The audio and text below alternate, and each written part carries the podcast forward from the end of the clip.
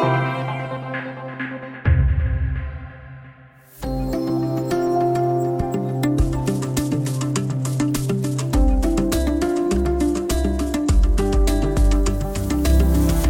Under sina första år som president talade Barack Obama mindre om rasrelationerna i USA än någon demokratisk president sedan 1961. I en exklusiv intervju med Dagens Nyheter berättar Obama om vad hans presidentskap betydde för spänningarna i rasfrågan, men också om demokrati och om sitt eget äktenskap. Välkommen till Studio DN. Jag heter Sanna Thorén Björling.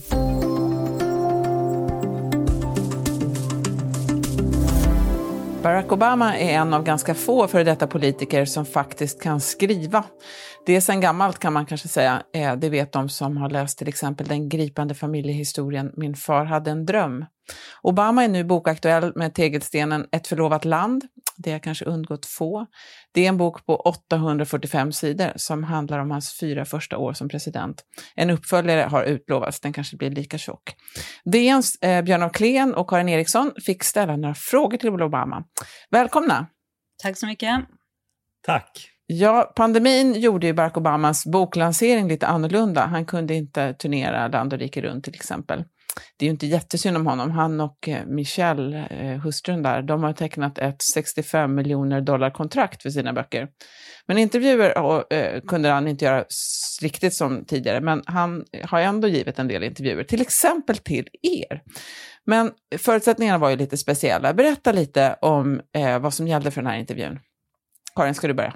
Ja, eh, vi fick ju då beskedet att vi hade fått den här intervjun precis när i, valet var avklarat men rösterna räknades fortfarande. Och då gällde det ganska snabbt för oss mitt i den här hektiska perioden att skicka iväg tolv lite bredare säger, frågor eller frågeställningar till presidentens team via bokförlaget i Stockholm och sen svar, skulle han då svara på ett urval av dem och i slutändan visade det sig att han svarade på fem frågor, men då svarade han väldigt utförligt på var och en av dem. Just det. Eh, Björn, blir, det här blir, man blir lite nyfiken här. Hur ser, det, hur ser det ut när han svarar i, i mejltrådarna eller i mejlet? Ja, det är inte så spännande. Det är ett A4 ungefär med fetade frågor och Barack Obamas svar. Eh, det tyvärr ingen vidare liksom, interaktion mellan oss och han, utan han, vi har skickat iväg frågorna och sen har vi fått svar. Eh, så vi har inte kunnat ställa följdfrågor eller haft synpunkter på enskilda saker han har sagt till oss. Utan, ja. Nej, men han, han, man får ändå säga att han anstränger sig för att, att svara som om han svarade muntligt. Ett svar kan börja, ni vet, you know, well. Han, det, han försöker hålla konversationen så levande som möjligt ändå, det får vi nog säga. Det känns inte som att det är en det är en eh, assistent som har skrivit svaren, utan det, man hör verkligen hans röst i dem, det vill jag säga. Utan att tona ned problemen med att göra en intervju på det här sättet, så, så försöker han ändå i sina svar göra det så levande som möjligt. Jag har också någon gång intervjuat på mejl och det är den, där, den svåraste frågan är ju nästan sådär, ja men hur vet man att det är han som har skrivit då? Och det är väl den där, det som ni är inne på där, att det, om det finns den där typen av talspråksmässiga saker så kanske det är större chans. Vad tror ni? Ja, det finns ett anslag av att han har liksom berättat det här kanske för en assistent som har skrivit ner det eller att han själv har ansträngt sig för att låta som han har sagt det som han har skrivit. Um, så det, man får liksom, det finns inget som tyder på att det inte är han i varje fall. Nej, det, nej men det, man hör hans röst ganska tydligt i, i de här svaren. Och det är ju lite charmigt också, för i den här eh, väldigt tjocka biografin så gör han verkligen en poäng av hur han sitter och skriver brev till väljarna och att den här liksom, brevkontakten med människor är väldigt, väldigt viktig för honom. Så att den får vi, eh, vi får ju föreställa oss eller visualisera den när vi nu får, får hans svar, där han också berättar för att göra det riktigt meta om hur han saknar den här kontakten med människorna som han delvis hade via brev. Mm. Man kan ju säga att han är, han är en president som även när han talar eh, vrider han ju och vänder på saker och det ena kan vara på det här sättet, det kan också vara på det andra sättet. Så det finns en skillnad mellan hans muntliga språk och hans skriftspråk men det finns ändå ungefär samma inslag av liksom introspektion och han har liksom ett intellektuellt förhållningssätt även verbalt kan man ju säga. Just det. Han valde ju ut då, som ni är inne på, några frågor här som han gick djupare in på. Rasrelationerna är ju spännande. Eh, som president så pratade ju han ganska lite om hudfärg, i alla fall i början. Eh, och det var ju väldigt medvetet. Han visste ju att om han gjorde det så skulle han väldigt snabbt bli placerad i ett fack. Det blev han ju kanske i alla fall, men eh, men det var ju ändå väldigt medvetet gjort att göra på det sättet. Och, eh, samtidigt var ju förväntningarna på Barack Obama väldigt stora. Eh, bara valet av honom gav ändå upphov till en backlash som nog var en av förklaringarna till att Trump några år senare eh, fick stora framgångar. Eh, hur ser Obama på det där idag? Alltså i boken är han ju mer öppen med att resonera kring eh, liksom rasproblematik eller spänningar mellan vita och svarta och hans egen svårighet att tala om sådana saker som president. Uh, jag tror att han förstod det under kampanjen, men jag tror att han upptäckte under hans första år vid makten hur extremt känsligt det var. Det är framförallt en incident som vi skriver om i artikeln och han berättar ganska utförligt om i boken. Det var en vän till honom, en professor i afroamerikanska studier vid Harvard som blev arresterad när han försökte ta sig in i sitt eget hem för att dörren hade gått i baklås och Obama sa någonting i stil med att det var korkat gjort av polisen att gripa en person för, för förargelseväckande beteende som redan befann sig på insidan av sitt eget staket. Och, och det ledde till en enorm backlash. Han eh, blev av med drivor av vita väljare och sjönk i popularitetssiffror. Ehm, eh, och han fick aldrig tillbaks den, det stödet av, av en beskärd del av det amerikanska vita folket. Så det visar liksom, han, han kunde närmast inte säga någonting ur ett afroamerikanskt perspektiv om spänningarna mellan vita och svarta i USA utan att eh, en stor del av befolkningen protesterade mot det. Vad var det i den här kommentaren då som, som de vita väljarna eh, blev eh, upprörda över? Att det verkade som han tog ställning mot polismakten, Eh, och utmålade polisen och ordningsmakten som korkad och obetänksam. Och det var som att han upplevde nog vita väljare att han svek sitt uppdrag och liksom tog ställning för en afroamerikansk enskild bråkmakare som dessutom var hans vän istället för att liksom hålla sig över detta och representera staten. Um, det fanns en, det fanns en uppenbar känslighet där som man inte ville att han skulle beröra överhuvudtaget. Karin, ni skriver ju också att Obama inte är en aktivist. Eh, hur, hur menar du då? Nej men han, han, det är ju precis det vi pratar om nu, att han var försiktig, att han hela tiden eh, eh, han visste att den här frågan var laddad. Genom den här incidenten så lärde han sig att den var ännu mer laddad, den mest laddade frågan och därför gick han en balansgång. Och han säger ju också, skriver ju också till oss och konstaterar att han, det vet, nu säger han i alla fall det, att han, han, han hade liksom inga falska förhoppningar om att han, han skulle, hans presidentperiod skulle eh, göra, innebära att USA blev av med alla problem när det gäller rasrelationer. Sen ska man, men det är ju samtidigt så att bara valet av Obama var ex, enormt symboliskt för USA. Men det är en väldigt laddad fråga det här huruvida det finns en institutionaliserad rasism i USA. Och det, det märkte man ju då, och det märker man ju nu, har ju märkt det här året. Och det ville han ju väldigt gärna kommentera i, i vår intervju hur han, hur han, hur han upplever, hur han har, vad hans tankar har gått runt Black Lives Matter. Och Black Lives Matter föddes ju under, under Obamas, det, det, ska man ju komma ihåg, att det kom ju fram, Ferguson inträffade ju då. Trayvon Martin var ju också, det händelser som skedde under hans tid vid makten och nu har det där vuxit och tagit tagit sig nya och starkare uttryck, Karin. Ja, absolut. Han, får ju, han kommer ju säkert återkomma till det här, för som du var inne på så är ju den här väldigt utförliga eh, självbiografin, den sträcker sig ändå bara fram till maj 2011, så han hinner ju inte riktigt till Black Lives Matters eh, födelse. Men nu, han det är ju ändå så den här boken är ju skriven med, med facit och han lägger sista handen vid den när de här protesterna finns ute på gatan och det han berättar för oss är ju att han, han är stolt, han säger att han är stolt över de unga som gick ut på gatorna och han eh, ja, men han, han, är stolt över dem. Han tycker inte att de väljer mellan protester och politik utan att de gör båda dera. Mm. Ja, och i, han är ju också en av de få presidenter, nästan enda, som bor kvar i Washington, där ju det har varit väldigt rörigt hela sommaren, så han har ju verkligen sett det nära. Eh, när vi kommer tillbaka så ska vi prata lite mer om de olika uppfattningarna om USA. Häng kvar.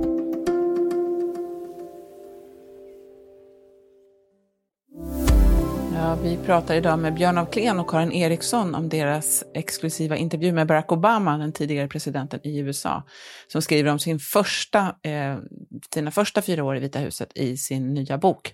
USA är ju ett delat land. Obama väckte en motreaktion och republikanerna kom att vända sig väldigt starkt emot honom. Tea Party-rörelsen kom ju också som en reaktion på valet av Obama. Och han skriver ju om det här eh, och om spänningen i partiet och om, om personer som John McCain och Sarah Palin som ju var presidentkandidat och sen vicepresidentkandidat och Palin, och vad som hände sen. Eh, om man tittar på Obama och hur han ser på Republikanerna idag, eh, vad kan man säga då? Hans avsnitt om Republikanerna och Mitch McConnell, eh, Republikanernas ledare i senaten, utmärks väl av en enorm frustration. Eh, han tar ju över makten då när det har varit den här enorma eh, ekonomiska krisen och han får uppdraget att försöka återställa ekonomin. Eller, eh, men redan från början så är ju republikanerna i senaten och kongressen extremt eh, icke-samarbetsvilliga. Eh, och de gör allt för att i hans ögon eh, förstöra för alla möjliga partiövergränsande överenskommelser för att rädda USA. Uh, och uh, just, det, I hans ögon har republikanerna som metod att uh, se till så att Barack Obama eller Demokraterna inte får någonting gjort i Washington överhuvudtaget. Och det framstår, tycker jag, som en ganska trovärdig skildring. I, i, i, stort, I stort och smått så vägrar de samarbeta med honom, oavsett nästan vilka eftergifter han presenterar för dem i Vita huset. Ja, nej men dels är det ju en, en ganska ingående, får man säga, verkligen ingående skildring av hur Republikanerna agerar och inte agerar i kongressen. Han är otroligt irriterad över den här förmågan att den här möjligheten att filibustra och hindra förslag från att, från att eh, bli verklighet. Men han skriver också ganska mycket tycker jag om, om Sarah Palin som du nämnde, alltså McCains vicepresidentkandidat. När man läser boken får man intrycket att han tycker att det var där republikanerna valde väg, det var där de lierade sig med högerkrafter som, som eh, verkligen kunde spela på främlingsfientlighet, på rasrelationer och de, han blev också då en, en särskild måltavla och, och det fanns inga gränser för hur mycket han kunde ifrågasättas eller vad man kunde säga om honom. Och det, det, det är intressant, han lyfter verkligen fram hennes roll och hennes roll sen för Tea Party rörelsen. Sen är det klart att den som läser boken kan ju också fundera över Obamas eget ansvar för motreaktionerna, de här högt ställda löftena och förväntningarna som hans folkrörelse väckte och de väldigt oklara förväntningarna för han, han lyckades ju då under kampanjerna både vända sig till mitten och säga att han skulle arbeta över partigränserna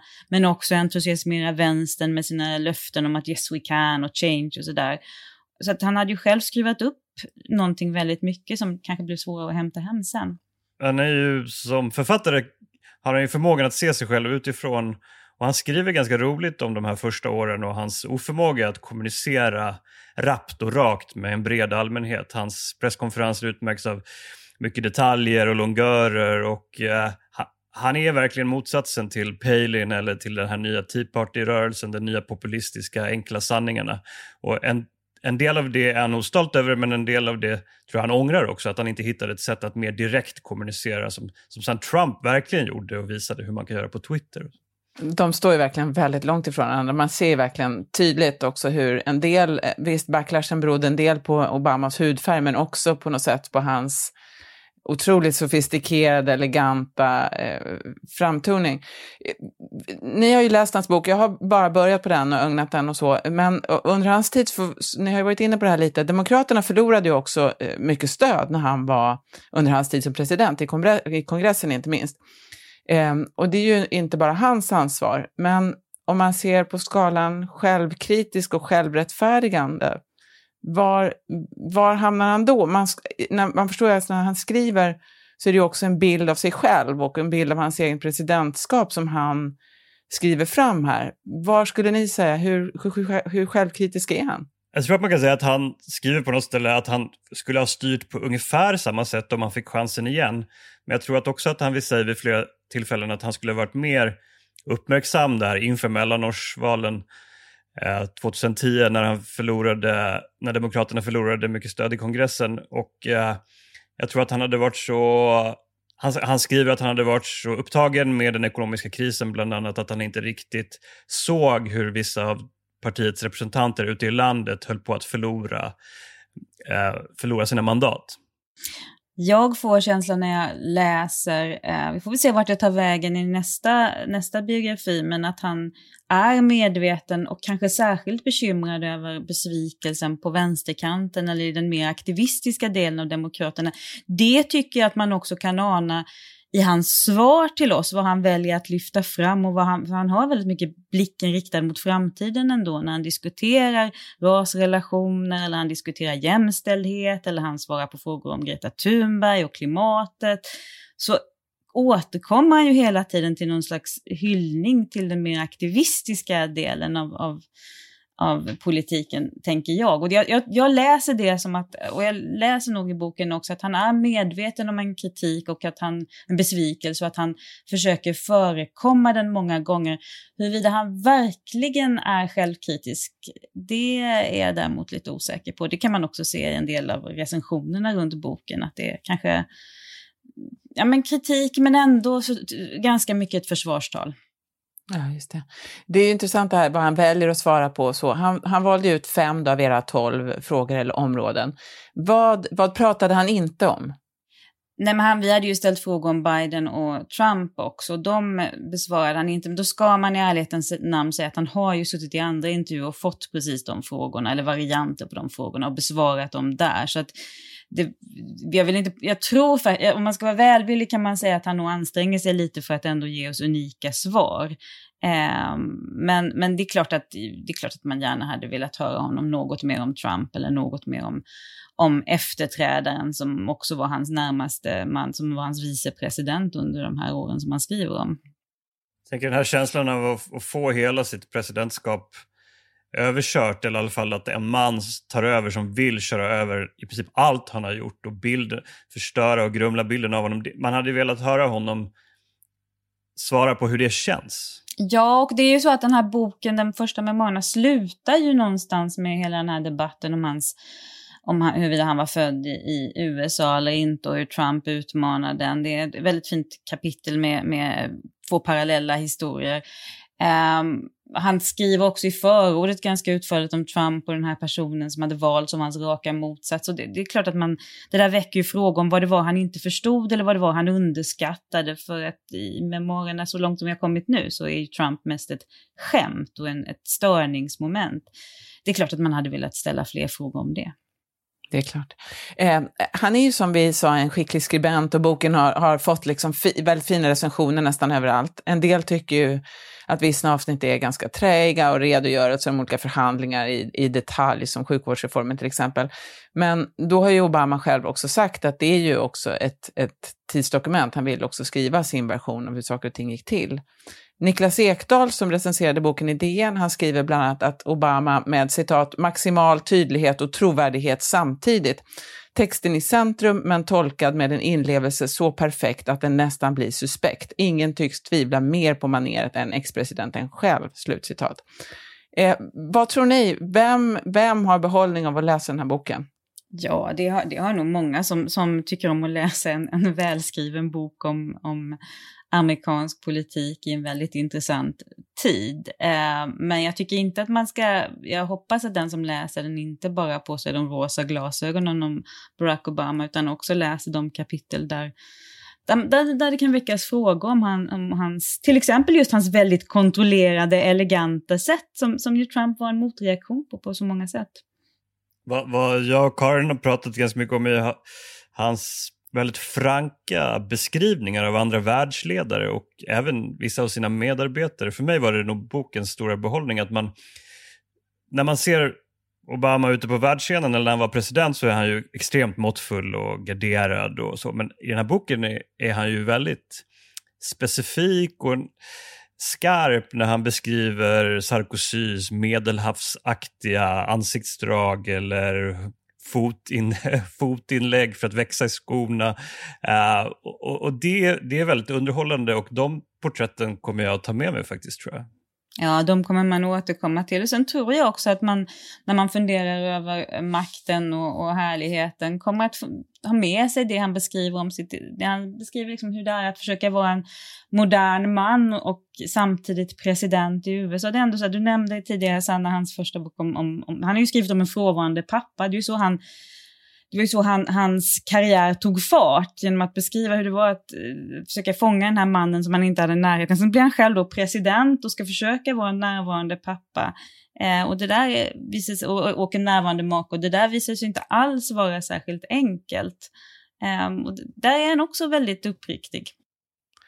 Kommentera någonting, jag vet att du har pratat en del om det, skriver också om det, eller ni skriver om det, att det finns en viss grabbighet runt honom också. Hans team då i Vita huset visade sig ju vara väldigt grabbigt, framförallt under den här första tiden tror jag med David Axelrod och eh, Rahm Emanuel som är verkligen sådana real, ganska cyniska realpolitiker från Chicago som han har haft med sig då under många år och som präglar hans vardag i Vita huset och ofta sätter stopp för allt för liksom idealistiska förslag och är väldigt mån om att han ska liksom bevara sitt stöd från det vita Amerika och sådär. Eh, så, och, men, men, hans egen liksom, stil är ju också extremt sådär självkontrollerad eh, och, och, maskulin på det där klassiskt liksom, återhållsamma sättet. Mm. Och man kan ju se det, det påpekar vi ju också i texten, man kan ju också se det i några av hans de här kommentarerna om världsledarna. Eh, att han, han eh, kan ju vara lite spetsig. Han är ofta, han är ju, det är ju mest män också, men han är ju också mest spetsig mot männen. Han är, anmärker ofta på människors längd faktiskt. Det kan jag själv som är ganska kort notera. Att det, han använder uttrycket ringa längd om, om en hel del, inte minst arme Nicolas Sarkozy som han är, eh, sågar ganska rejält i en beskrivning. Men det är ju roligt eftersom han själv är gammal basketspelare så han kan ju inte, ingen kan klaga på honom för att han skulle vara kort. Eh, hörni, vad tror ni? Han, han, är ju inte, han kan ju inte riktigt vara helt nattsvart eh, utåt officiellt eh, om sakernas tillstånd i USA eller i världen. Men är, vad, vad uppfattar ni i det han har skrivit till er och eh, efter att ha läst den här boken? Är Obama pessimist eller optimist när det gäller synen på demokratins utveckling i USA och världen? Det var en stor fråga. Eh, Björn? Jag är optimist, helt klart. Men får, jag tycker nästan det är som att han får anstränga sig för att vara realistisk ibland. Och han säger det i förordet på något sätt att han i vissa stunder undrade han om man borde vara, se mer liksom ärligt på miljön runt omkring honom i Vita huset och i den amerikanska politiken. Men sen är det som att man direkt eh, vänder och pratar om liksom institutionernas eh, makt och att vi måste våga tro på politiken och våga tro på unga människor och, och så. så jag, även om man vet hur det gick efter de här åtta åren så tycker jag ändå att den här skildringen utmålas av en person som älskar sitt land och, och, och hans patriotism är väldigt optimistisk på något sätt. Som, som sagt, då, han, han har verkligen i sina svar till oss också i den här intervjun väldigt mycket blicken mot framtiden och talar med uttrycker gång på gång hopp om de unga. Till exempel Greta Thunbergs generation som inte bara kommer att ändra utan förändra och rädda världen. Eh, så att absolut det förblir han, vill förbli optimisten. Mm. Det är roligt, han skriver ju också att, eh, att han eh, inte läser så många böcker eller, eh, under de här åren som han sitter och skriver. Eh, och eh, det var ju under väldigt så här, mörka år som han ändå kanske har stängt in sig på sin kammare. Så man, man undrar lite om han, eh, hur mycket han har hängt med då. Kommer ni läsa nästa bok? Eh, definitivt, jag tyckte det. Jag måste säga att det är, det är en läsupplevelse och det är roligt att liksom, man blir också lite optimistisk själv när man läser den. Uh, och får följa alla de här människornas ganska hårda arbete. Mm. Jo, men det är ju en stor konst att kunna skriva så spännande om något där vi alla vet hur det kommer att gå. Det är klart vi... 850 sidor till, vi ser fram emot det. Det ser vi fram emot. Tusen tack Karin och Björn. På måndag ska vi prata med Amina Mansour om coronaviruset och vaccinet. Studio DN görs för Podplay av producent Sabina Marmelakai, exekutiv producent Augustin Erba, ljudtekniker Patrik Miesenberger och teknik Oliver Bergman, Bauer Media. Jag heter Sanna Thorén Björling.